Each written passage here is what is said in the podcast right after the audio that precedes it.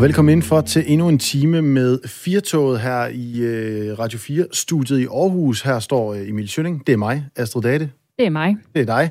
Og øh, vi har brugt øh, de sidste fem minutter på at diskutere, om vi skulle gå ud og lave en kop te, men har vurderet, at vi kunne ikke gong fu den, altså gøre os umage nok til, at det var det værd. Også fordi, at vi kører kun sådan noget rigtig dårligt brev til her. Ja, eller skaffe noget... Hvad var det, man skulle have for at fjerne kalken? Noget Det, det er sådan et kulfilter. Kulfilter. Det skal, det skal man også have, hvis man har sådan en, du ved, øh, overpriced espresso-maskine, som øh, folk, der rammer en tidlig midtvejskrise, som mig for eksempel køber. Men det, det er besværligt. Så hælder man bare almindelig dårlig vand i den, så får man dårlig kaffe, og så kalker den til, og så har man taget flere på hinanden følgende rigtig dårlige beslutninger. Og den tur kan man så også lave med te nu. Den kan jeg tage med teen nu, og det glæder jeg mig. Så kan jeg sidde med tusind af de der små skåle og noget mega dyrt te, som jeg heller ikke overgår at drikke. Og så kan det blive kamillete for den helt store guldmedalje. Og det gode ved det er, det koster ikke særlig meget. Vi er nået til øh, anden og dermed selvfølgelig også sidste time, og i den her time, der skal vi øh, forbi spil i film, altså en uh, trend, vi har set en stor, stor stigning af, og lige om lidt så kommer der en ny serie, som har et budget, der er oppe i, skal vi sige, den fine ende. Derudover så skal vi forbi et, en museumsudstilling med noget, der spyr ild, og så en række dæmoner til sidst i udsendelsen. Det bliver meget mørkt, det hele, Ja, det men, det. Øh, men vi starter øh, i det stille hjørne. Ja, fordi Astrid, hvad vil du sige til, at øh, nu er landet jo åbnet op, folk de har sommerferie, der, de skal på camping og charter og sommerhusture og alt derimellem. Men hvad vil du sige til at tage øh, fire dage i total stillhed i stedet for? Som øh, ferie? Øh, det tror jeg ikke, jeg vil. Jeg har haft sådan nogle øh, søndage, hvor jeg måske skulle sidde her og arbejde, og så altså sådan en hel søndag og hjem, og hvor, altså, hvor man ikke taler med nogen. Altså hvor jeg føler lidt, der har jeg en hel dag i stillhed. Og det synes jeg er længe. Ja, men så skal du ikke tage på det, der hedder Silent Retreat. Her er konceptet altså, at man tager ud til et i hvert fald ofte afsidsliggende sted sammen med en gruppe mennesker, og så holder du ellers bare mund. Du mediterer, du dyrker yoga, og du bliver klogere på dig selv. Med os, der har vi nu uh, Trine Vellenbo Jul. Du er indehaver af virksomheden Storywalk, og har tidligere været på sådan et uh, silent retreat her i fire døgn i en svensk skov, og det bruger du i øvrigt aktivt i dit arbejde nu. Den del, det skal vi nok lige vende tilbage til, men først så bliver jeg altså nødt til at høre, hvorfor tage afsted på en tur, bare for at sidde i stillhed? Ja, hej. Øh, jamen, man sidder jo ikke bare i stillhed, som du lige selv nævnte. Det var godt nok ikke en svensk skov, det var en, en svensk sø. Vi var ved et utroligt smukt sted. Det er tre år siden, jeg var på mit uh, silent retreat, meditations uh, og silent retreat. Øh, og jeg gik mange ture også, og øh, øh, jeg badede, og vi var i saunagus. Vi spiste lækker økologisk mad, så der var rigtig meget for sanserne også, og, og rigtig meget for kroppen, og for så vidt også rigtig meget for hovedet i den forstand, at, at det jo til dels handler om at få, at få tømt hovedet for, for mange af de tanker, som vi ellers lader os vivle rundt med og i, og som kan nogle gange forstyrre os og stresse os. Og, øh, og det, for mig var det også øh, faktisk indledning til min sommerferie der tilbage i 18. Øh, jeg synes, det var en fantastisk måde at starte ferien på. Og koble helt fra og både komme det er sådan lidt en floskel, men kom godt ned i og ind i kroppen, men også egentlig at komme kom godt ind i, ind i hovedet, forstået på den måde, at, øh, at det jo bliver tømt først, men, men så når det jo ellers øh, både nye højder og dybder, øh, fordi det er, øh, det er både godt for krop og sjæl og også, øh, og også øh, ånden. Og hvordan kan, Øh, det de være, tre ting hænger jo sammen. hvordan kan det være, at det er det? For jeg tænker, at det der med at tage ud til en øh, svensk sø og spise økologisk mad og have det stille og roligt, at det kunne måske være nok til at koble af og slappe af i sig selv. Hvorfor den del med ikke at tale med nogen i så lang tid oveni? Ja, altså nu er fire dage jo ikke lang tid. Jeg ved, der er nogen, der tager på silent retreat i månedsvis. og der er sikkert også en, en munk her og der, der har været på i stillhed i, i, i flere år. så øh, altså, ja, øh, for mig var det ikke svært, fordi at øh, jeg bor alene. Altså, jeg har en stor familie, jeg har kæreste, jeg har venner, og men der kan faktisk godt gå dage øh, øh, sådan til hverdag, hvor jeg ikke taler med nogen, udover måske min kat. øh, så, så jeg synes ikke, det er, det er specielt underligt. Øh, men man kan selvfølgelig godt sige, at nu er man jo sammen med en masse mennesker, og normalt så socialiserer jeg jo med, med dem, vi er i fællesskab med.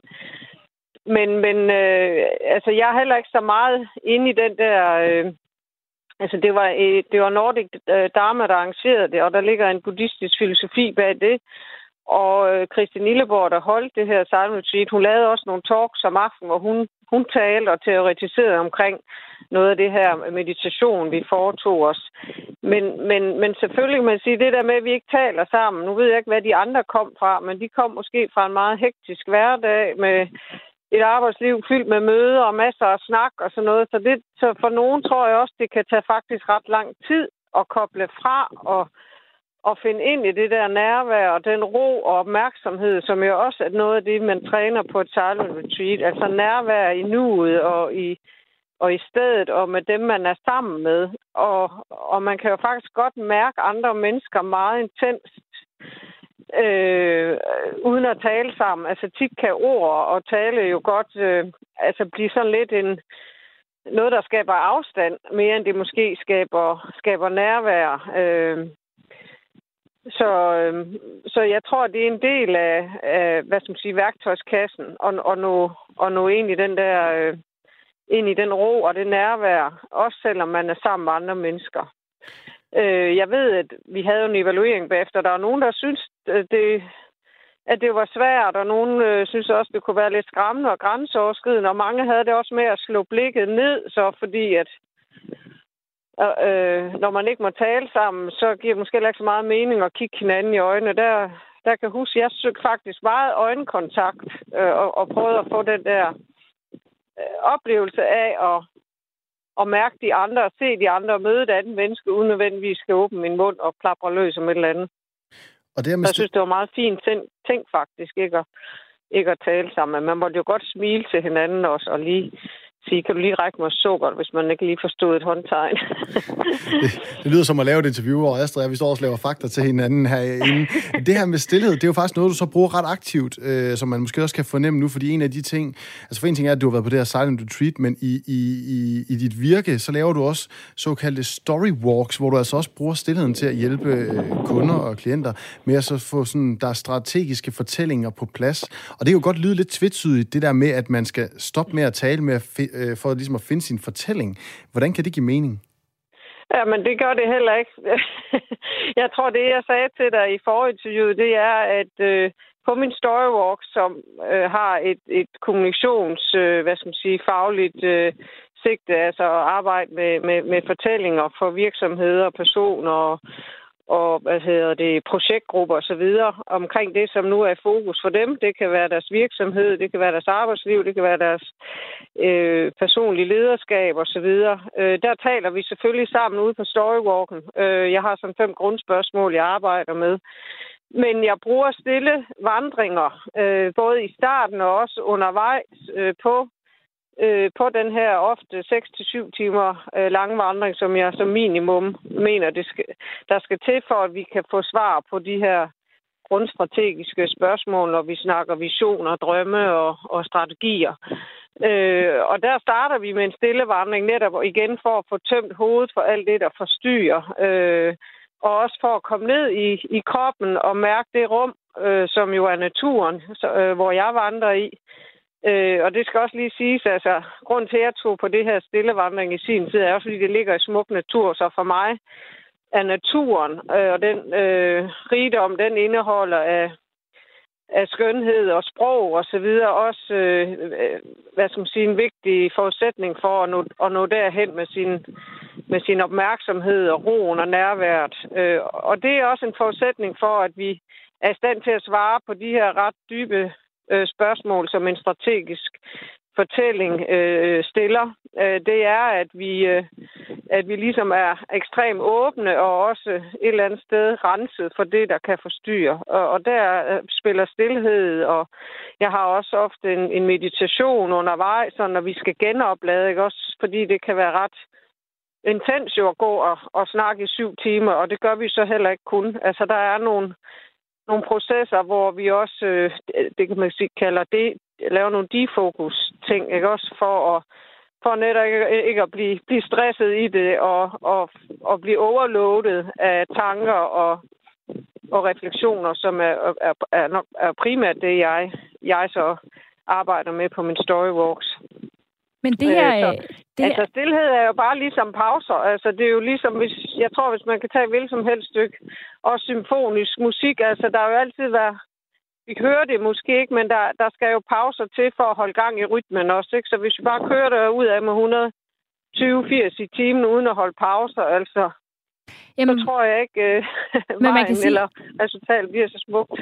En ting er jo de her pauser, ikke? og det her med at dyrke mm. stillhed, og tage nogle gåtur, hvor man taler, men hvor man også er opmærksom mm. på at være stille, eller altså mm. på ferie, hvor man mediterer, altså dyrke stillheden i pauser, mm. og i være bevidst om mm. det. Jeg synes, der er mm. lidt fra det til et silent retreat, hvor man jo så er stille hele tiden. Ja. Er det ja, noget, ja. er det, altså, er det noget, som nogen, altså, er det noget, der er bedre for nogen end for andre? Vil alle kunne tage på sådan et silent retreat, og er det godt for alle ikke at snakke med nogen i mm. fire dage, for eksempel? Mm. Mm. Det skal du måske nok snakke med en, øh, en, en terapeut, en psykolog om. Nu er jeg jo kommunikationskonsulent. Det er min faglighed. Men altså, man kan, jeg ved, at øh, altså, jeg, vil jo, jeg vil jo mene, at ro og, og det at dyrke nærvær og opmærksomhed, og, øh, altså, som jo er noget, der er en mangelvare i dag. Altså, det kan godt være, at vi holder ferie og sådan noget, men, men SoMe holder ikke rigtig ferie, vel? Og vi har enormt... Altså, hvornår er det egentlig, vi har de der pauser? Dem har vi forbandet lidt af i, i dag. Øh, fordi vi alle sammen er mere eller mindre øh, afhængige af, af, af sociale medier og være på hele tiden. Hjernen er på hele tiden, ikke? Altså, så, altså, du kan også spørge en hjerneforsker. Jeg tror, de fleste... Jeg, jeg tror ikke, man behøver hjerneforsker for at regne ud, at, at, at hjernen har brug for, for hvile også, og har brug for, for ikke-stimuli af den, af den karakter, som vi normalt udsætter den for. Men, men om det er noget for alle, det, det afhænger nok af, hvor, hvor Mm, jeg ved ikke, om jeg kan sige det i radioen. Radioen var fucked op med i udgangspunktet. Altså, hvis man er super stresset og lige der på, på randen til at få nervøs øh, sambrud eller på gunder, så, så er man måske ikke så modtagelig for det. Og, øh, og jeg ved også, der er nogen, der faktisk har svært ved at finde ro ude i naturen, altså som faktisk bliver forstyrret af den. Altså, der er jo Øh, det er USA, de opfandt den diagnose, der hedder Nature Deficit Disorder blandt børn, som simpelthen altså, får alt for lidt natur. Altså, de har måske været i en park et par gange, eller så sidder de foran deres Playstation eller en anden skærm.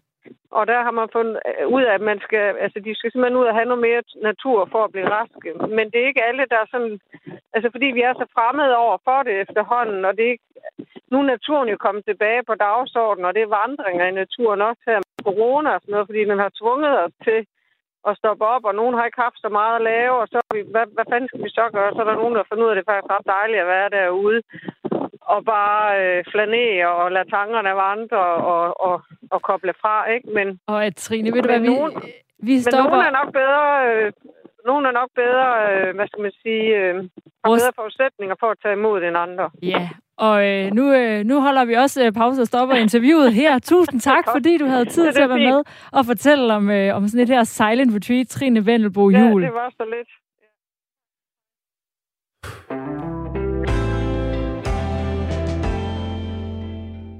Jeg føler, at jeg er mere afslappet nu.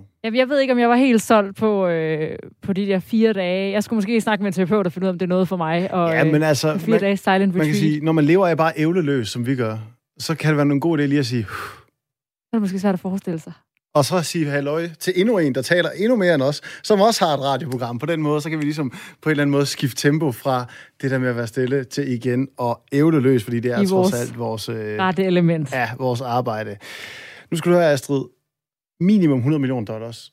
Det er mange penge. Og det er altså prisen for 10 afsnit af den øh, kommende tv-serie, der hedder The Last of Us. Og øh, optagelserne, de er lige begyndt. Serien, det er sådan en øh, lænket ventet en af slagsen for sådan en særlig gruppe mennesker, blandt andet sådan som mig, der har øh, spillet Playstation-spillet, som har samme navn, nemlig The Last of Us. Det er et helt fantastisk spil, som har sådan en ret vild zombie-historie, man øh, dykker ned i og øh, kan bruge uendelige med timer på. Og det kan faktisk næsten føles som en øh, film. Det er så overhovedet ikke en enlig svale, fordi at øh, Netflix de lavede sidste år en øh, aftale med spilfirmaet øh, Ubisoft om blandt andet øh, den serie, der hedder Assassin's Creed, som faktisk allerede er blevet forsøgt filmatiseret med sådan en rimelig begrænset succes. Og det virker til, at de her spilhistorier, de er øh, på vej væk fra skærmene hjemme i, på værelset, og så i stedet for at klar til det store lærred, og så måske, du ved, familiehyggen på Netflix inde i uh, stuen. Og det ved du lidt mere om, William Eising, øh, min øh, kære kollega her i, øh, på Radio 4. Velkommen i studiet. Tak. Ej, jeg tænkte, hvis jeg bare svarede sådan. Ja, mange tak, fordi jeg måtte komme. Det er, fordi vi har snakket om stillhed. Ja, lige præcis. Du er jo serieekspert og vært på programmet Stream and Chill her på kanalen, og øh, Netflix de har som sagt lavet en øh, stor aftale med Ubisoft. De har også øh, lige ansat en øh, game developer i deres, øh, i deres øh, firma, og en af sidste års mest ventede serietitler, det var The Witcher, som bygger på et computerspil. I fremtiden der kommer der både en øh, stor satsning bygget på spillet Uncharted, altså The Last of Us, som øh, Emil fortalte om. Er det her en, øh, sådan, det virker som en voksende trend, og er det også noget, der er kommet for at blive? Det er helt sikkert noget, der er kommet for at blive. Altså, hvis man skal være rigtig, rigtig kynisk og skære ind til benet, så øh, er det jo ikke fordi, at det nødvendigvis er super gode historier. Det er jo ikke øh, fordi, at det er, øh, at, at det er noget vanvittigt nyskabende. Det er jo netop fordi, at man kan lokke sådan en som dig ind på en streamingtjeneste, fordi man nu filmatiserer The Last of Us. Et spil, du har nogle følelser bundet op på. Så det er jo i bund og grund, at det er jo rigtig snedig marketing, fordi det er ligesom, når man går ud og filmatiserer en rigtig, rigtig populær bog, jamen så har man allerede et publikum. Altså da man for eksempel lavede Harry Potter-serien, øh, så vidste man, jamen prøv at høre, forældre og øh, kommer til at tage deres børn i hånden, eller voksne mennesker, der er, øh, har børn, er børn indeni, skulle jeg til at sige, kommer til at vælte ind i biografen for at se de her film. Og det er jo det samme, man gør her. Så her lyder det faktisk lidt som om, man i virkeligheden malker lidt på en succes, ligesom man måske kommer til at lave en 2 og en 3 og en 4 og en 5 og en serie for meget. Er der ikke, altså har spil, har de ikke en, de har ikke noget så ekstraordinært over sådan deres sådan historieunivers? Jeg vil faktisk sige, at hvis der er noget, der er med spil, så er det, at det er helt utroligt svært at øh, filmatisere, eller serificere, hvis man kan kalde det. Øh, fordi det er jo så kompleks historie. Hvor, hvor lang tid brugte du på at spille The Last of Us?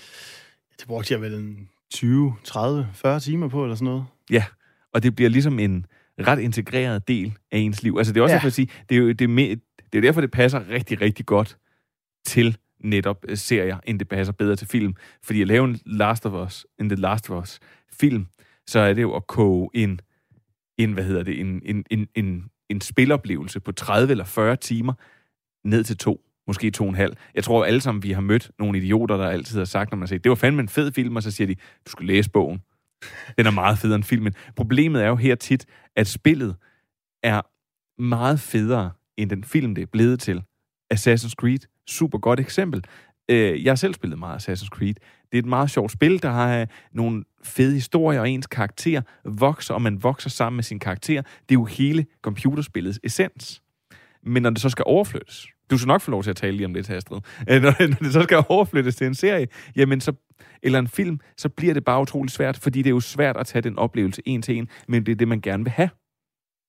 Nu må du tale. Kan det også være noget, der er med til at øh, hive folk over? Altså nu spiller jeg for eksempel ikke så meget, men jeg tænker det der med, hvis Netflix begynder at lave alle ens yndlingsserier, eller Stranger Things, at man lige pludselig kan spille det. Kan det være en måde at det også lokke lidt folk ind i det her spilunivers, eller er det bare, eller bliver det virkelig en skuffende oplevelse, som du siger, fordi det bliver ikke det samme som den historie, man måske øh, forventer. Nu taler jeg faktisk om et omvendt eksempel, kan jeg da godt høre. Det er jo så snart lave et, øh, en film til et spil. Jamen, det, øh, jeg ved ikke om... Altså, man, man gør det jo. Man gør det jo ved store populære serier, så laver man en eller anden spiludgave, netop fordi, som jeg siger, det er jo en kommercialiseret verden, vi lever i. Så det er jo klart, det er jo nemt at have en stående platform, som du allerede kan brande dig på. Altså, tænk bare øh, at lave en film om Facebook. Hvorfor ikke lave en film om Facebook? Det er øh, noget, som øh, stort set alle mennesker hver dag bruger. Jamen vil man ikke gerne vide, hvor det kom fra, så lader man det. Så går folk ind og ser den. Det er spændende. Det er det samme med det her. Så det er en, en, en noget, der kører begge veje. Men det jeg faktisk vil sige, det er, jeg synes, at det er en spændende udvikling, at man begynder at lave det til serier. Og lige nu laver man jo alt til serier. Så selvfølgelig skal man lave det til en serie. Men spil egner sig væsentligt bedre som, øh, som, som serie af min oplevelse, fordi det er så store historier, man skal filmatisere, og det er jo geniale historier. Altså, der er så mange gode spil derude. Er der nogle gode eksempler? Øh, jamen, lige nu er der jo sådan set kun den ene, øh, nemlig The Witcher, som, som sådan er rigtig vellykket. Men jeg er meget spændt på The Last of Us, som virkelig bliver kælet for. Altså nu kan man sige, er der ikke også et problem i, at nu kender jeg en del gamer, og meget kan man sige om dem, de er ikke sådan nogle super åbne mennesker, ret mange af dem. Forskellen på bøger og spil er jo, at du allerede har fået serveret hele dit visuelle univers. Du ved jo, hvordan øh, hovedpersonen i The Last of Us, du ved, hvordan The Witcher ser ud. Og nu kommer der for eksempel den her Uncharted, som er også sådan en kæmpe øh, episk fortælling. Der er de ligesom præsenteret, der er det ham, der spiller hovedrollen, og så er alle nørderne, om man vil, undertegnet inklusiv, være at se, den her skuespiller, han ligner meget mere ham i karakteren. Vi gider ikke have ham der, han ligner ikke ham, som vi har set i spillet. Altså er der ikke et problem med det med at tage noget, der allerede er visuelt, og bare sige, nu gør vi det lige dobbelt visuelt, men bare med noget helt andet? Ja, man skulle jo umiddelbart tro, at det var omvendt. Altså, at bøger skulle være svære, fordi at du har øh, forestillet for dit indre billede. Nå, det var en mand med skægstube. Nå, det var en mand med en spids hat. Nå, men så forestiller du dig selv det. Men det her det er jo netop præcis, som du siger. Det eksisterer allerede i virkeligheden. Og det er meget, meget svært. Altså nu, øh, nu bruger du Uncharted-eksemplet. At der har man den her lidt øh, rå, vi kan jo godt, uden at fornærme nogen, kalde det sådan en Indiana Jones øh, pølsemandens kopi af det. Men så øh, vælger man at sætte Tom Holland ind, for dem, der ikke lige kan genkalde det navn, så er det ham, der spiller Spider-Man, som er en lille teenage-dreng. Altså allerede der, så er der jo netop et clash. Han skal jo have skægstub. Han skal være lidt øh, hårdfører. Han skal komme med kække bemærkninger. Han skal være sådan lidt en... Han skal være lidt en mandemand på en eller anden måde i en læderjakke ude i den her skov her. Det ser man ikke for sig. Og det er jo netop det, de har gjort, øh, da The Last of Us har fået rigtig meget ros indtil videre for deres casting. Altså, det har virkelig været svært. Hvordan skal man kaste nogen til et spil, som virkelig gør alt, hvad de kan for at bygge en følelsesmæssig forbindelse til spillerne? Tusind tak for øh, den analyse, øh, William Eising, altså ser-ekspert og vært på programmet Stream and Chill, fordi du lige vil øh, besøge os i studiet i dag. Selv tak, og rigtig god sommer. Og god stillhed, når du kommer ud på redaktionen. Og vi øh, bliver lige i spillets øh, verden, fordi øh, spilbranchen den er jo gigantisk, og der bliver hvert år udviklet spil for milliarder, og det skal gerne være nogen, der er medrivende, og nogen, der altså har en god historie, som øh, måske er god nok til også at lave en serie eller en film ud af det. Og derfor så er der en øh, række talentfulde forfattere, der helt naturligt søger over i at skrive historier til computerspil, altså øh, spilforfattere. Og øh, Morten Brunbjerg, du tog selv skridtet for 10 år siden. Du er spilforfatter og skriver altså historier og replikker til computerspil. Velkommen til. Mange tak. Hvordan skriver man en, øh, en god historie til et spil? Jeg går ud fra, at det er bare noget med nogle zombier, nogen man kan plukke lidt, og måske øh, nogle, sådan, du ved, øh, Super Mario bip eller hvad? Ja, og så nogle gode one-liners, og så masser af vold. Ja, præcis. Og så er den sådan set klaret. Ja. Øh, nej, altså, jeg synes, øh, der gælder nøjagtigt de samme regler i virkeligheden til en god spilhistorie, som der gør til en god øh, tegneserie, eller en god film, eller en god bog. Øh, der er rigtig mange af de samme ting, der, sig, øh, der, der gælder der. Øh, men, men det handler jo også om, at, at øh, at give spilleren noget agency, altså noget, øh, noget, de kan ændre på. Og det er jo den, det, der er den rigtig store forskel i, i forhold til for eksempel film, som vi taler om. Ja, for hvis det er lidt af det samme, hvad, hvorfor skriver du så til spil og ikke til film? Ja, men øh, jeg synes også, at øh, film er fantastiske, og, øh, øh, og, og jeg skriver sådan set også til det, men, men spil har en, en helt særlig plads, og det der er sådan to årsager til. Øh, den ene, det er, de, øh, altså, det er de mennesker, der er i spilbranchen, øh, er virkelig nogle fantastiske mennesker. Altså den danske spilbranche er fyldt med helt fantastiske folk. Øh, men den anden, det er også, at spil kan noget, som der ikke er nogen andre medier, der kan rigtigt. Og det er, at de kan for eksempel, øh, du kan for eksempel få dårlig samvittighed over noget, du gør i en historie i et spil. Øh, og det øh, er ikke rigtig noget, der kan lade sig gøre, når du sidder i biografen, for eksempel, eller i sofaen derhjemme. Du kan godt sidde og kommentere over noget, en figur gør, som du tænker, det ville jeg godt ikke have gjort, men om du kan, få, du kan ikke rigtig få dårlig samvittighed. Og det synes jeg er rigtig interessant. Ja, fordi hvilke greb kan man ligesom bruge som forfatter og skrue på, når man på den måde har en noget mere direkte tilgang til den person, der skal opleve, hvad hedder det, øh, det her univers, som man bliver præsenteret for? Jamen altså, øh, vi bruger jo meget de samme øh, redskaber. Altså, jeg benytter mig meget dramatisk struktur og alle de her ting, og, og, og karakterforhold og forhold til hinanden osv. osv. Men, men en af de ting, du for eksempel øh, kan gøre, det er, at du kan få spilleren til at foretage en eller anden form for valg. Og så kan du måske for eksempel kan du få så forsinke konsekvensen en lille smule af det valg.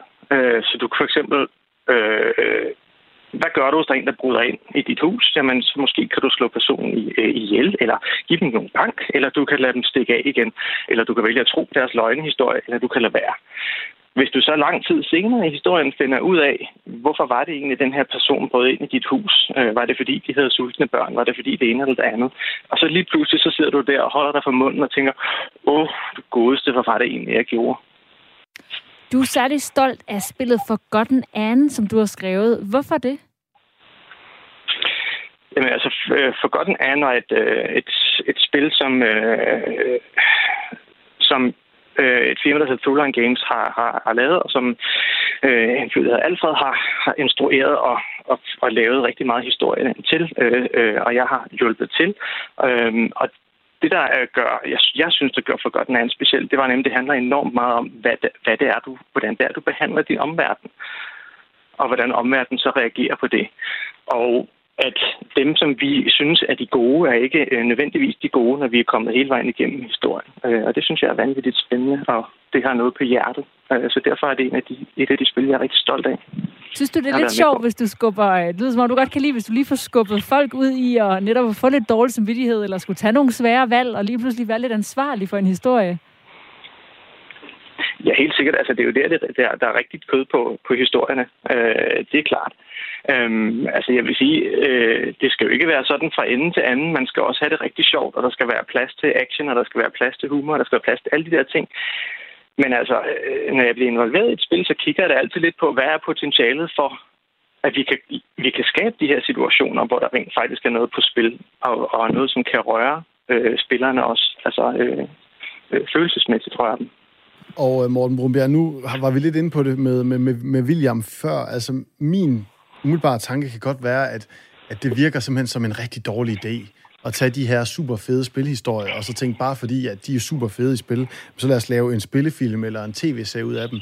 Altså, hvad synes du om den her trend med, at, at, øh, at nogle af de mest øh, elskede spil, de lige pludselig skal øh, mainstreamificeres og på en eller anden måde komme igennem et eller andet hjul, som de måske ikke helt kan bære?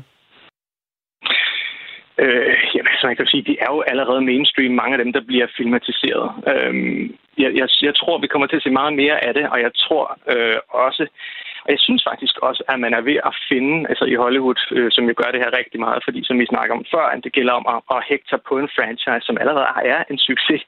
Øhm, jeg tror, de er ved at finde en opskrift for at gøre det lidt, mere, lidt anderledes, for der har jo været rigtig mange øh, meget forfejlede øh, spil, øh, filmatiseringer i, igennem tiderne. Øhm, og jeg tror, vi kommer til at se mere, at man placerer en historie i spilverdenen, mere end man tager et spil, en spilhistorie fra ende til anden, øh, som William også øh, øh, at tage de der øh, 30-40 timers spil, og så koge den ned til to timer der er en tv-serie selvfølgelig en, en, en væsentligt bedre idé, men jeg tror, man ser mere, at man placerer dem i, i en verden, øh, i den her verden, i stedet for at tage historien direkte over sådan.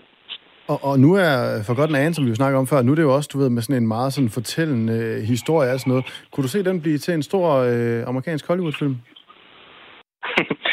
øh, det er et godt spørgsmål. Jeg tror måske mere, at jeg kunne se den som en animeret serie. Øh, det tror jeg, den ville egne sig rigtig godt til. Øh, det tror jeg faktisk, den vil egne sig bedre til end, end, end sådan en stor Hollywood-film, live-action Hollywood-film. Øh, ja. Tusind tak, Morten Brumbjerg, spilforfatter, øh, fordi du ville fortælle lidt om øh, den her øh, særlige form for manuskriptforfatter-gerning. Øh, jo, selv tak.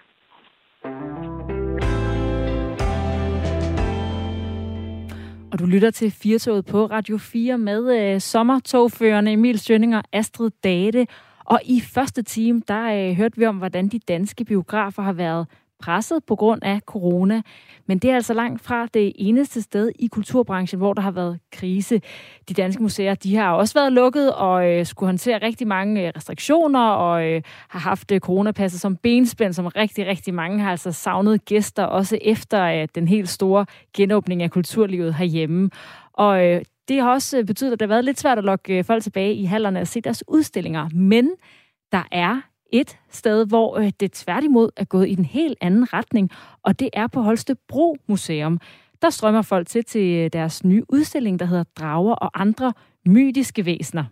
Og øh, dragerne, jamen, de tiltrækker altså øh, så mange gæster, at der bliver slået besøgsrekorder. Det skriver TV MidtVest på knap tre måneder. Det er siden den 21. april, har museet haft øh, besøg af næsten 7.000 gæster, hvilket er et tal, de plejer at have for, øh, for besøgs, altså antal besøgende på et halvt år. Så jeg går ud fra, at det er en øh, ret glad teamleder på Holstebro Museum, vi kan sige hej til nu, Mette Klingenberg.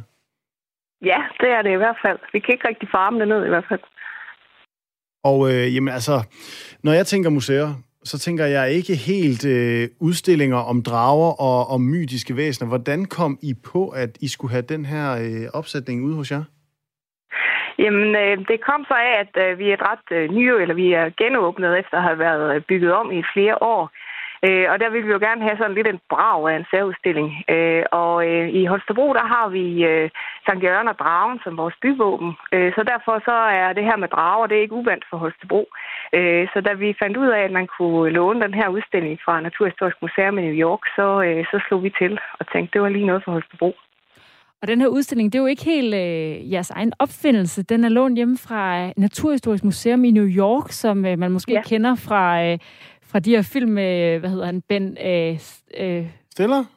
Affleck? Ja. Affleck Stiller. Det Nat på museet hedder Nat på museet. Der er, er ikke nogen stor skuespiller, men det er en god film. Ja, så man kender lidt det museum, og der har den her øh, udstilling med drager altså også stået. Kan du fortælle lidt om, hvad det er, I har lånt fra den anden side af Atlanterhavet? Øh, jamen altså, det er øh, ikke ringere eller, eller mindre end 48 fods container, der blev sejlet over Atlanten til Europa. Øh, og vi er de første museum i Europa, der har fået lov at låne den. Øh, og, øh, og det er altså øh, øh, jamen alt, alt godt for havet og alt godt for luften og ilden verden, som man så må sige. Altså drager og havfruer, Øh, og, øh, og det er også de her asiatiske drager, som der jo er et væld af forskellige af. Og så har vi enhjørninge og øh, ja, kæmpe aber og ja, meget andet. Altså, nu har jeg været inde på jeres hjemmeside, jeg har set nogle af billederne, og så plakaten, det er ligesom sådan en drag og en enhjørning, og alle de her ting, det lyder jo som nogle ting, man godt kunne finde på at putte i et computerspil, som vi for eksempel lige talte om før, eller i en tegnefilm. Er det her for, for børn, eller er det for voksne, eller er det for øh, voksne med barnlige sjæle, eller hvor ligger vi ligesom på spektret her? Øh, jamen, jeg synes faktisk, vi ligger lidt over det hele, øh, for, for der er rigtig meget blikfang for børn, og der er rigtig mange wow-oplevelser. Vi kan høre rigtig meget, når børn kommer ind, at de bliver helt vilde, når de ser den her drage eller enhjørning for første gang. Øh, men for de voksne kan man også ligesom dykke ned i, jamen, hvorfor er det overhovedet, vi har troet på de her mytiske væsener, eller, eller nogen tror jo stadig på dem. Øh, at, at der får vi simpelthen hele den naturhistoriske øh, forklaring på, øh, naturvidenskabelige forklaring på, hvad, hvad er det, der har gjort, at vi har troet på, at der var havfruer, når vi var ude at sejle, eller at der lurede en, en drage inde i klippen, eller, eller, eller et eller andet. Øh, så, så der er lidt, der er lidt for alle. Øh, øh, og I har jo også øh, slået rekord med antal besøgende på museet. Hvilke reaktioner har I fået på udstillingen? Øh, vi har fået rigtig mange positive reaktioner. Øh, øh, altså også øh, rigtig mange, der siger, ej, hvor er det, hvor er det fedt øh, at, at, at komme på museum og, og, og ligesom få en, en, en lidt anden oplevelse, man måske er vant til. Netop fordi, at museer nogle gange har lidt den her øh, øh, støvede overflade, bedst jeg næsten til at sige, men altså, hvor at, at man måske har en, en, en tro på, at det er en lidt for støvet oplevelse, man går ind til. At, øh, at vi har fået, vi har fået nogle af dem ind, som måske normalt undgår museer og tænker, at det er ikke noget for os dem, som er, er mere til, til oplevelser end, øh, end, end, end den klassiske udstilling. Og altså, når du går rundt der, det behøver ikke være nat på museet, du kan også bare gøre det, når alle de andre dødelige, øh, ikke-mytologiske væsener, de øh, ikke er kommet der ind endnu. Når du går rundt på, på gangene og kigger i, og i hallerne og kigger på dem her, har du så et yndlingssted, hvor at når du står og så kigger på det, så tænker du, den her udstilling, den er altså for fed? Jamen, jeg må indrømme, jeg har, jeg har lidt øh, øh, øh, indjørningen. Den, den, den, er, den taler lidt til mit hjerte, synes jeg. Den er simpelthen så, så fin og flot, øh, og så, øh, så, øh, så sart et væsen, men samtidig også så, med så mange kræfter. Så øh, den, den kan jeg godt lide at stå ved. Og, og er, det, er det, taler vi bare altså selve udstillingstingen nu, eller hvis du nu skulle vælge et yndlingsmytologisk væsen, er det så også enhjørningen? Ja, det tror jeg faktisk godt, det kunne være. Det tror jeg. Øh, det, det, der, der jeg synes, der er gode historier med saft og kraft øh, i, i, sådan en, i sådan en enhjørning. Oplever du også, der er sådan en generel interesse for det her mytologi og mere eller mindre overnaturlige væsener? Altså, det tror jeg. Altså, vi ligger jo også lige i slipstrømmen af, af Game of Thrones, øh, og, og, og også som I også selv har været inde på, med, med, med tegnefilm og med, med spilverden og sådan noget. Så, øh, så, øh, og ikke mindst også den store jagt på Pokémons, der har været og måske også stadig foregår. Øh, så, øh, så der er rigtig mange, der, der, der går op i de her væsener og ved, og ved noget om dem i forvejen, og vil måske også gerne vide endnu mere. Ja, for jeg tænker, at, øh, at der må altså også komme nogle mennesker, der, øh, der på en eller anden måde har den der fascination af de her væsener. Er du stødt på nogen endnu indtil videre, som, øh, som har været sådan, jeg ved bare, at der har fandtes drager, eller øh, fønixer, eller hippogriffer, eller enhjørninge, eller den der store kraken. Et eller andet, som, øh, hvor de har bare sagt, det er en perfekt naturtro kopi af noget, jeg ved, der eksisterer det her. Nej, måske ikke, måske ikke direkte, men altså, vi har i hvert fald, inden vi, vi, vi øh, åbnede udstillingen, der har vi i hvert fald været i kontakt med nogen, som, øh, som i hvert fald tror, tror på, på drager og tror på, at, øh, at de findes. Så, så, så vi, ved, vi ved, at de er derude. og, og det er ikke dig? Nej, nej. Oh. Men jeg vil også gerne tro lidt på den, det synes jeg. Det er nu lidt sjovt. Der må gerne være, der må gerne være lidt mere mellem himmel og jord. Og hvor længe er det, man kan, hvis man nu gerne vil opleve nogle af de her drager indjørninger hos jer i Holstebro på Holstebro Museum, hvor længe øh, har I så udstillingen fra Naturhistorisk Museum i New York? Den har vi indtil den 31. oktober her i år. Så er det jo bare om at komme afsted med os, Emil, op og... Øh, ja. Jeg tror, det jeg, er jeg, en ikke, jeg har ikke helt besluttet mig for, om jeg er en believer eller en non-believer. du må komme an på en prøve. Ja. Tusind tak, ja. Mette Klingenberg, teamleder på Holstebro Museum. Det var så lidt. Og held og lykke med øh, de er jo næsten eventyrlige besøgstal. Jo, tusind tak. Tak. Astrid, øh, hvis du nu skulle vælge, jeg ved godt, vi har ikke mange øh, fridage her på, øh, på radioen. Lad os nu sige, at øh, vi, det, programmet gav sig selv, at vi kunne tage en udflugt, inden vi skulle sende. Altså, hvad, hvad for et sådan fabeldyr er dit yndlings? Øh, hvad har det med tur at gøre? Hvad mener du med tur? Over ja. til Holstebro? Nå, over til Holstebro, over det. Øh, jeg synes, Fønixen er meget fascinerende. Det, der ja, med, det, der, det kan noget det der med, sådan, nu brænder vi hele lortet ned og starter forfra. Ja. Og så har vi glemt det, så asken, og så, øh, så tager vi den igen. Altså, jeg må sige, jeg synes øh, også fordi, hvis jeg nu skulle tro på en af dem, lad os nu lege til, at jeg troede på, på noget af det, så det, jeg kunne se den største mulighed for, ville være den der kraken, den der det der mytologiske væsen, der er nede på havets bund og har sådan nogle kæmpe lange fangarme, og som i gamle dage troede sømændene ligesom bare kom ud af det blå, og så, så ud den alle de der øh, gamle træskibe, og så var de bare væk. Forklaringen var nok bare, at øh, dengang der havde man nogle rigtig dårlige skibe, og så stødte man en gang imellem på en eller anden storm, og det, det kunne øh, sjovt nok øh, fire øh, sammentømrede paller og lidt øh, garn. Det kunne det ikke helt klare, ligesom at øh, de store øh, skibe af metal i dag, de... Øh, kan. Og, så, og så vil man måske ikke helt indrømme, at man øh, måske ikke styrede skibet allerbedst i en storm. Nej. Og så er det bedre at sige, åh, det var også det der monster. Men man kunne godt forestille sig, altså lad os så sige, at det bare var en, du ved, en kæmpe blæksprut eller et eller andet. Det kunne godt have fandtes. Ja, man tænker også, at det også kunne være noget, der ikke er opdaget. Altså ligesom der er ting, man ikke kan finde i havet. Altså havet er et godt bud på, hvis der skulle være et monster, vi ikke vidste, fandtes. I forhold til, jeg tænker, en enhjørning, okay, en hest med et horn. Det, den skal lyder, gemme sig godt. Den skal gemme sig godt, og fordi det lyder jo egentlig, altså så vildt lyder det ikke. Det kunne godt findes, ja. enhjørninger. Den kunne godt være derude. Men, men den skal gemme sig godt, ikke? Hvor i havet, jeg tænker, der er gode muligheder for, at der godt kunne gemme sig sådan en krak nede i havet et sted. Ja, det tænker jeg. Ja, ved du hvad? Jeg, jeg, jeg kan mærke, den er uafklaret. Men lad os, vi bliver lidt i det, må jeg godt sige, overnaturlige. Det kan du finde ud af, om du må sige lige om lidt. Du lytter nemlig til uh, Firtoget. Mit navn det er Emil Schønning, og uh, sammen med Astrid Date har jeg uh, fornøjelsen af at køre dette radioprogram de næste fem uger. Og nu, ja, det er jo så spændende at finde ud af, om vi kan sige noget af det overnaturlige. Nu skal vi til noget helt andet. I cast you out! Unclean spirit! Shut up your ass! In the name of our Lord Jesus Christ! It is he who commands you! Ja, øh, findes der noget mere ikonisk end øh, Hollywood og øh, remakes og toer og andre øh, forsøg på at øh, udvide og øh, bruge en historie mange gange, lidt ligesom vi også har snakket om tidligere med øh, spil? Øh, det, øh, det kender Universal Studios svaret på, og det er altså et kæmpe nej, fordi øh, det vi hørte her, det var... Øh, filmen The Exorcist fra 1973, en øh, ikonisk øh, gyserfilm, der blev lavet tre af dengang, hvor øh, den første virkelig øh, var noget særligt. Og nu, der betaler de Universal Studios altså 400 millioner dollars, det svarer til 2,5 milliarder kroner rundt regnet, for tre nye Exorcisten-film. Og den oprindelige film, den vadede altså i succes der, da den udkom i 73, og øh, med hoveder, der ligesom kan dreje hele vejen rundt om halsen, og piger, der svæver og andet godt, ja, så øh, kan man jo godt konkludere, at filmen måske ikke er helt virkelighedstro. Men hvordan er virkelighedens eksorcisme så? Fordi det øh, findes jo, og det kan vi få lidt hjælp til at blive klogere på nu. Mogens Svendsen, velkommen til. Tak skal du have. Du er tidligere sovnepræst, og du har bedrevet flere eksorcismer, altså sådan nogle øh, djævleuddrivelser. Og kan vi ikke bare starte med, sådan for ligesom at måske også at tage nogle af de her myter fra filmen, og måske afmontere nogle af dem. Hvordan foregår det, når du skal eksorcere nogen? Ja, nu bruger jeg slet ikke udtrykket eksorcere. Jeg bruger udtrykket udfrielse, fordi det er meget mere positivt. Og så øh, er det jo meget ofte øh, på en helt anden måde, end som øh, de der film, de forsøger at give et øh, meget spektakulært øh, udtryk. Og, og sådan øh, foregår det meget ofte slet ikke i virkeligheden. Selvfølgelig kan der være nogle tilfælde, hvor, hvor der er øh, sker ting og sager, som er, er uventede, men i langt de fleste tilfælde, så er det meget mere stilfærdigt. Og altså, øh, hvad helt konkret, altså jeg har jo sådan en forestilling om noget med noget vigevand og et krucifix og, og sådan noget. Altså, har man den slags remedier med?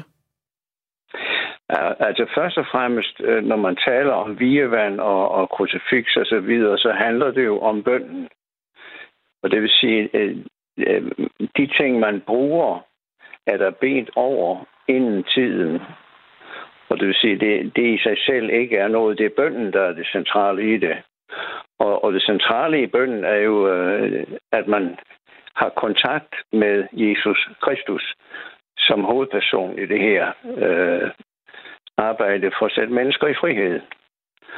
Så det... Og som øh, hvad hedder det, vi kan læse i Apostlenes Gerninger om, at øh, der findes kun et navn, som øh, de onde ånder respekterer. Du kan ikke nævne noget som helst andet navn end Jesu navn. Så det, det, er, en, eneste, det, er en, det er en bøn, der ligesom, øh, altså det er en særlig bøn, der ligesom er med til, øh, til at lave den her uddrivelse. Ja, altså det behøver ikke at, altså, det behøver ikke at være nogle specielle ord, men, men det er selve kontakten med Jesus Kristus, der er det afgørende. Og hvordan, og det ser, det, en, det, hvordan ser det ud? Hvordan, hvordan ved jeg for eksempel, om jeg vil være besat af en dæmon og skulle, øh, skulle have brug for en uddrivelse? Jamen, det øh, er jo sådan, at mennesker kommer og beder om hjælp, hvis de er kommet i vanskeligheder. Og øh, de fleste har jo gjort et eller andet for at øh, få de her ånder indenbords, øh, selvom de ikke var klar over, at det kunne blive et problem. Øh, tag for eksempel, at mennesker har opsøgt de døde, altså penduleret for at skaffe kontakt til afdøde personer. Det er en klar invitation til at invitere ånderne indenfor i sit liv. Og lige pludselig så opdager mennesker jo så, at, at det er et problem, for de er ubehagelige, og de er ondsindede osv. Og, og så ringer de og beder om at få hjælp til at komme fri af det. Og hvordan, hvordan får man så det? Hvordan foregår det helt konkret? Jamen, det, det, lad, lad mig give et, et konkret eksempel så. Der, der, øh, der var en øh, kvinde, som havde øh, fået kontakt til øh, omkring et halvt hundrede øh, afdøde personer, troede hun. Men i virkeligheden var det jo de onde ånder, hun havde besøg af. Og øh, så øh, øh, ringede hun jo til en åndemaner, men han skulle have så mange penge, at hun øh, havde ikke råd til det, og så tænkte de, at det kunne være, at præsten kunne hjælpe dem, og det kunne præsten så, og præsten var oven købet gratis. Og det foregik jo så på den måde, hvor jeg siger jo til hende fra starten af, du er nødt til at lære at kalde på Jesus. Og det, har, det er, fordi jeg har en klar erfaring fra tidligere. Jeg har hjulpet nogen fri øh, hjemme i konfirmandstuen, og øh, de havde så ikke valgt at følge Jesus. Med det resultat, at de halvandet år senere øh, ringede og havde det så forfærdeligt, fordi ånderne var vendt tilbage, og i langt større antal end tidligere. Så jeg lovede mig selv, fremover vil du aldrig hjælpe nogen til frihed, uden at de har valgt at følge Jesus. Så det er mit udgangspunkt, øh, fordi jeg har den der erfaring. Og så siger jeg til hende, at du er nødt til at lære at kalde på Jesus, og hun anede jo ikke, hvad det drejede sig om, og havde aldrig drømt, at hun skulle have noget med Jesus at gøre. Men hun prøvede, og øh, øh, hun lagde så senere en besked på telefonsvaren, for jeg skulle til et møde, og da jeg kom hjem, så lyttede jeg jo på telefonsvaren, og, og der sagde hun ganske kort og lakonisk, øh, ja, du skal lige vide, jeg troede ikke en skid på, hvad du sagde. Men det virkede. Og det vil sige, at den allerførste gang, hun kalder op til Jesus, så oplever hun, at der er en klar reaktion. Og det blev hendes bedste ven for livet. Det havde hun selvfølgelig ikke drømt om, men, men det blev det.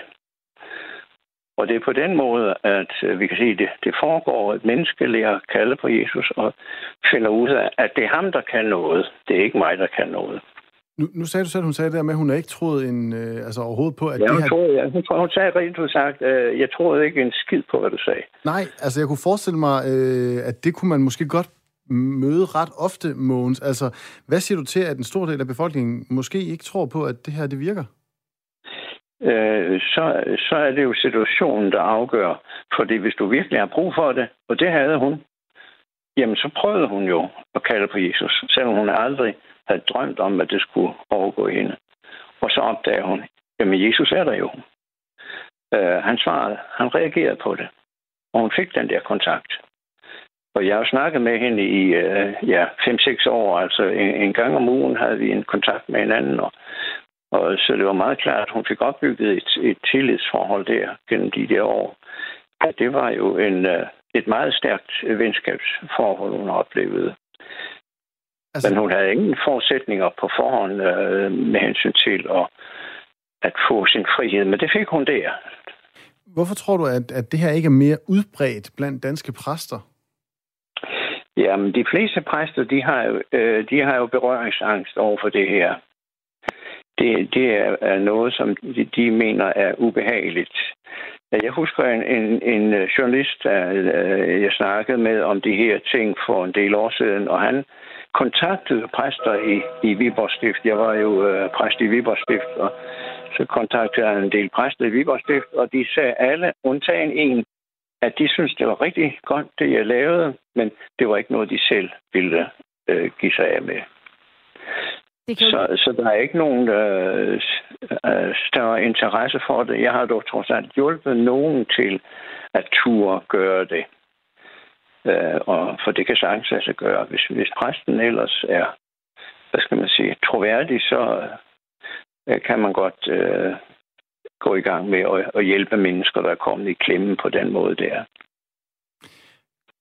Det lyder jo også som en, det kan godt lyde som sådan en, øh, en lidt hård vej ind i, ind i øh, hvad hedder det, troen og kristendom. Altså det der med, hvis man har det dårligt og, øh, og kæmper med noget, som, som du så vil sige er, er, er under, at, at den eneste vej, det er Jesus at, øh, at det, det kan også lyde som en måde, hvor at man, man ikke har et, et valg andet end at blive, blive troende, hvis man skal have det godt igen? Altså, jeg oplevede jo netop det der med, øh, med mennesker. Jeg har hjulpet øh, hjemme i konfirmandsugen til at, at få deres frihed. Øh, hvordan de jo øh, efterfølgende øh, oplevede, at ånderne vendte tilbage i langt større målstok. Så det, øh, det fik mig jo til at tage den beslutning, at jeg er nødt til at sige til mennesker, hvis du skal hjælpe, så er det øh, helt sikkert det bedste, at øh, du lærer Jesus at kende, hvis ikke du vil lære ham at kende. Og der er en tre-fire stykker, som har sagt nej tak. Men hvis ikke du vil lære ham at kende, jamen, så er det bedst, at vi stopper her, fordi det vil du få, få det meget værre, hvis du bliver sat fri uden at følge Jesus. Altså, det kan jo godt lyde som noget, en læge måske skulle være inde over det her med, hvis folk de har det, det svært. Altså, det, det kunne godt ligge sådan lidt på grænsen mellem, hvad jeg tænker lyder som, som noget er svært at definere, og så måske noget, der kunne være noget psykisk. Altså, er der ikke en risiko for, at du går ind og, og er et eller andet sted, hvor det måske ikke er dit bord? Nej, det, det har jeg jo, øh, det, det spørgsmål har jeg jo selvfølgelig blevet mødt med igen mange år.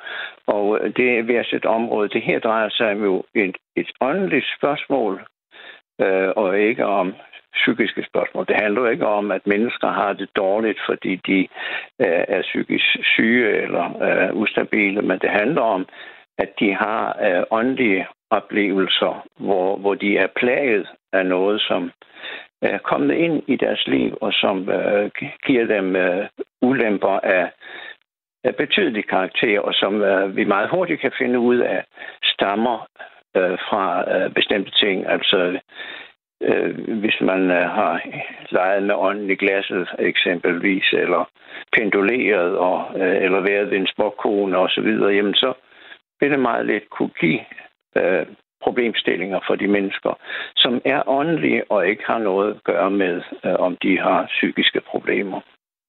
Og bare lige kort her til sidst, Mogens. Altså, hvordan har du det egentlig med, at man laver sådan en film om eksorcisme? Jamen, øh, jeg vil jo mene, at øh, det, det er jo et spørgsmål om at øh, gøre noget øh, spektakulært ud af, af og simpelthen give folk et gys, og det mener jeg jo ikke er troværdigt. Fordi det, som mennesker jo øh, håber på, det er, at de får hjælp, at nogen vil hjælpe dem. Og øh, det er jo så det, jeg har arbejdet med. Og jeg har jo virkelig haft nogle stærke oplevelser, både af Jesu nærvær og, og af mennesker, virkelig fik den der øh, befriende oplevelse, at noget forlod dem, og de fik lov at gå videre i, i frihed.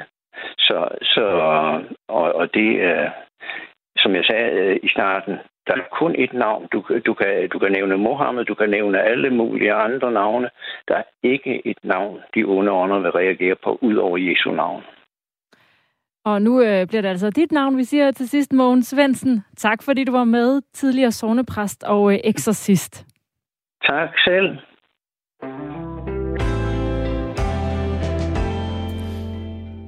Og øh, altså nogle gange skal man anerkende, at man har, hvad jeg vil betegne som en svær overgang. Ikke sådan en smooth transition, men inden vi slutter af for øh, fire i dag, så skal vi, som vi altid er, og det er på trods af eksorcisme og hvad det ellers er alvorlige ting, vi har øh, talt om, altså skal vi altså lige forbi en omgang satire med specialklassen.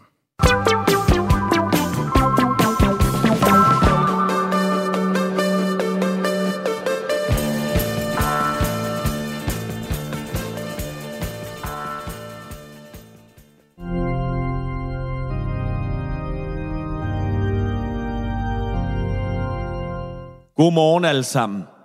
Således skriver apostlen Matthæus i det tredje testamente, kapitel 2, vers 1000. En romersk legionær havde stoppet herren og hans disciple for at inspicere deres egen dele.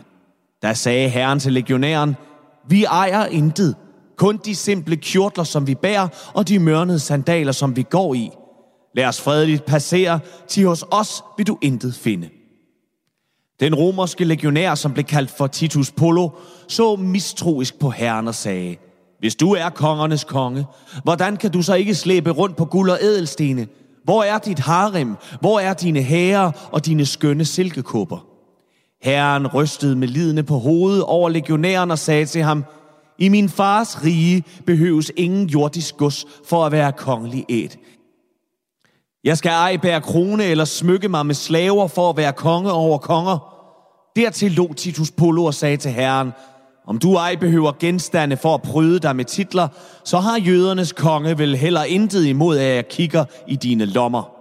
Herren slog med armene og bød Titus Polo at undersøge hans lommer, og ganske rigtigt. Legionæren fandt intet andet end sand og lommeuld i herrens kjortellommer. Du talte sandt, herre konge, sagde Titus, dine uldne lommer bød ikke på personlige ejendele, men værm jeg søgte i dine kødlommer?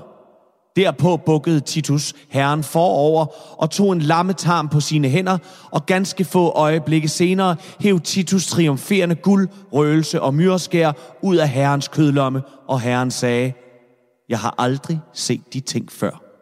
Amen.